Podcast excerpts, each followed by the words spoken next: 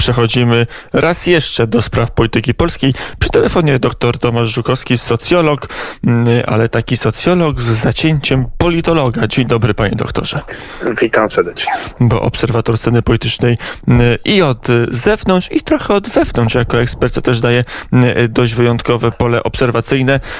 I właśnie z tym wyjątkowym doświadczeniem bym pana doktora zapytał, żeby pan doktor, używając doświadczenia, odpowiedział na nurtujące os mnie osobiście pytanie, czy, e, czy jest e, taka szansa, aby partia utrzymała władzę, kiedy płynie pod prąd światowych nurtów? Czy jest taka sytuacja, kiedy partia w jednym kraju utrzymuje władzę i, i także trochę rząd dusza, dookoła dominują zupełnie inne nurty, idee i poglądy? To jest trudne, czasami bardzo trudne, ale nie jest niemożliwe. Nie. Spodziewałem się bardziej rozbudowanej odpowiedzi, przyznam szczerze. No wie pan, no, to był początek. Jeśli pan dopyta, mogę dalej rozwinąć. No oczywiście chodzi o Polskę, Prawo i Sprawiedliwość i otoczenie. Wektor zmian jest bardzo lewicowy. Polska prawica jest y, dość konserwatywna jak na Europę. No i wydaje się, że y, te, dwie, te dwa wektory teraz się zderzyły. Z jednej strony młodzież bardzo kosmopolityczna, no bo uczestnicząca w tej samej kulturze, co młody Brytyjczyk, młody Francuz, czy młody Amerykanin, albo młody Japończyk. Y, dzięki sieci przenikanie się kultur jest znacznie silniejsze, a z drugiej strony władza, obóz rządzący jednak myślący w sposób tradycyjny o tym, że e, świat e, może się oczywiście komunikować, ale że każdy ma własną ojczyznę, własną tradycję, własną kulturę, której powinien strzec i teraz e, z tych dwóch zestawień iskrzy, iskrzy na ulicach. Iskrzy. Ja dopowiem jeszcze jedną rzecz. Tutaj do słowa lewicowy trzeba dodać jeszcze słowo liberalne, a nawet właściwie zamienić kolejność. Liberalno-lewicowy i wtedy byśmy mieli tę diagnozę też jakby dokładniejszą. Przy czym jeśli mielibyśmy oceniać potencjał tych stron, no to pamiętajmy o jednej rzeczy, że rzeczywiście ta zmiana polityczno-obyczajowa w stronę lewicowo-liberalną zaszła bardzo daleko w Europie Zachodniej zwłaszcza. No, w większości, zdecydowanej większości państw Europy Zachodniej, natomiast w naszej części Europy, w tym w Polsce, ona jest jednak zdecydowanie mniej zaawansowana.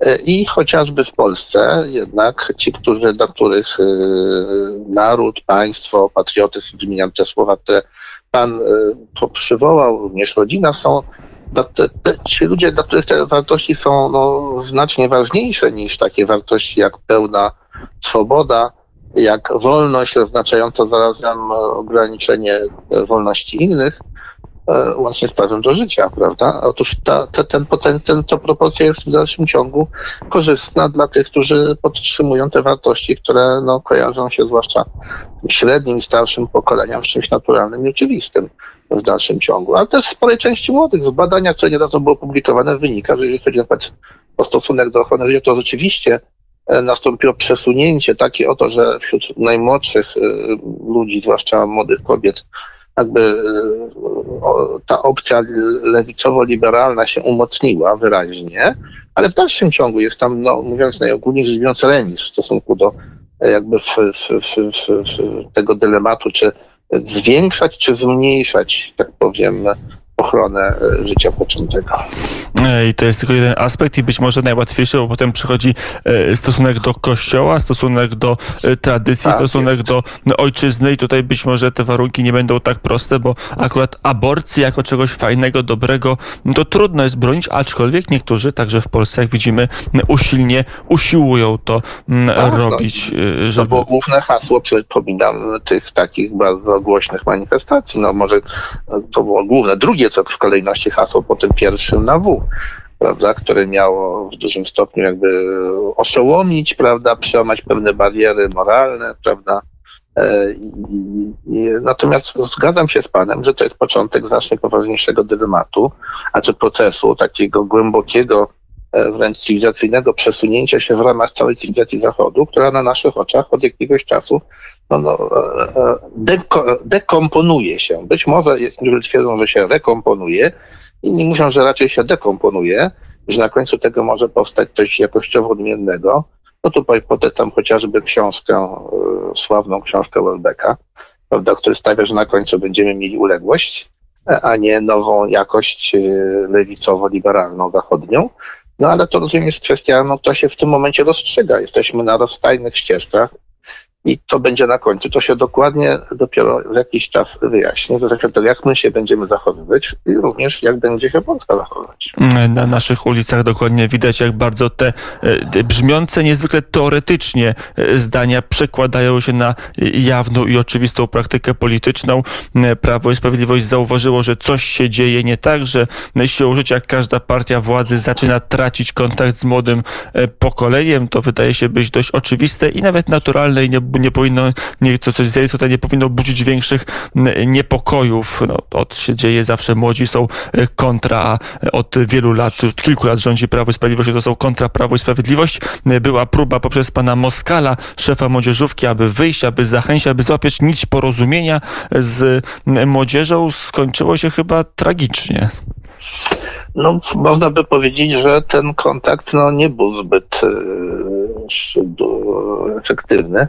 No, w tej chwili zobaczymy, jakie będą miały konsekwencje próby inne, to znaczy chociażby budowanie aktywności, namawianie czy angażowanie do aktywności młodych ludzi, do wspierania e, osób, które są, no powiedzmy tak najogólniej, są ofiarami koronawirusa. To też jest jakiś pomysł, prawda? Natomiast jest też faktem, że, że, że ta inicjatywa dotycząca zwierząt przy okazji no, uruchomiła różne wewnętrzne napięcia. No w tej chwili jakoś tam zaklejone, czy można w, na, na, w dużej części zaplecza e, wiejsko-rolniczego e, rządzącej partii. Także to, to bywa też i tak. Natomiast jeśli chodzi o tych, e, jeżeli chodzi o, o młodych ludzi, to, to z, pamiętajmy jeszcze o, o takiej ważnej rzeczy, że to nie jest tylko kwestia tego, że Polsce, że, że to nie jest kłopot partii rządzącej, to jest generalny problem, po prostu raz jeszcze cywilizacyjny, wiążący się z tym, że młode pokolenie dzisiejszych, to powiedzmy 20, 15, 20, 20 parulatków, formuje się w nowej jakości, w nowej rzeczywistości. To jest pierwsze pokolenie, dla którego naturalnym źródłem wiedzy o świecie i kontaktu z innymi jest smartfon. I to jest, jest to chyba pierwsze, w, tak mi się wydaje, w historii pokolenie, które ma w tym smartfonie takich elektronicznych komiwojażerów. Do tej pory raczej rodziny dbali o to, żeby komiwojażerowie nie wpływali bezpośrednio na dzieci. Tym razem nawet często rodzice nie wiedzą o tym, co ci, co te dzieci, czego tam te dzieci dowiadują. I ostatnia kwestia, pamiętajmy, w cywilizacji Zachodu z wyjątkami mam do czynienia z rodzinami małodzietnymi, nawet z jedynakami no sytuacja, w której jedno dziecko, y, y, prawda, jest, o jedno dziecko zabiega dwóch, dwoje rodziców, czworo dziadków, jeszcze paru żyjących pradziadków, to jest zupełnie nowa jakość niż taka, w której wiele, wiele dzieci zabiegało o, jedne, o dwojga rodziców i, i powiedzmy jednego dziadka. No, kto, kto inny jest monopolistą, prawda? No, w związku z tym mamy takie korona pokolenie w podwójnym tego znaczeniu, bo to jest pokolenie księżniczek i książąt potencjalnych, prawda? W wychowaniu, w formowaniu przez rodziny, przez, przez reklamy.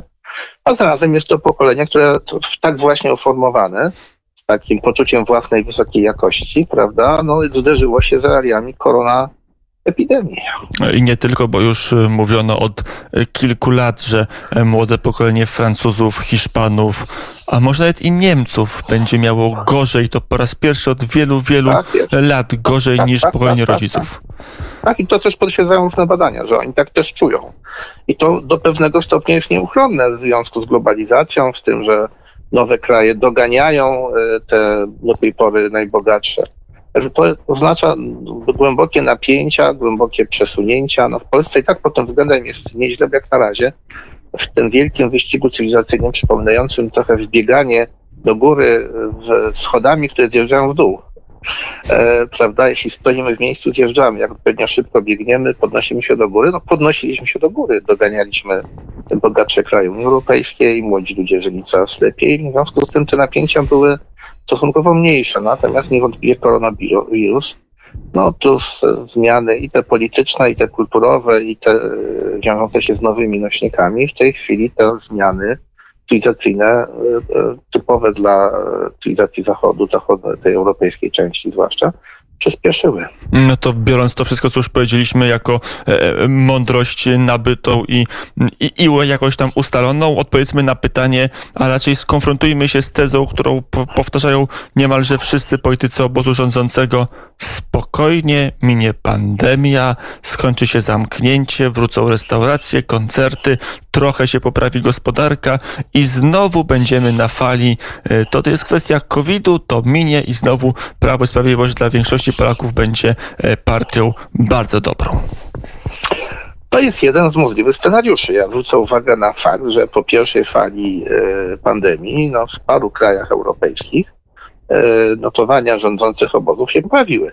A też przypomnę, że, że, że po pierwszej fali pandemii obóz rządzący w Polsce wygrał wybory prezydenckie przy bardzo wysokiej frekwencji, prawda? No mimo tego, że jak pamiętamy już wtedy mieliśmy znaczącą mobilizację młodych ludzi, których większość głosowała na kandydata, e, czyli na pana Trzaskowskiego.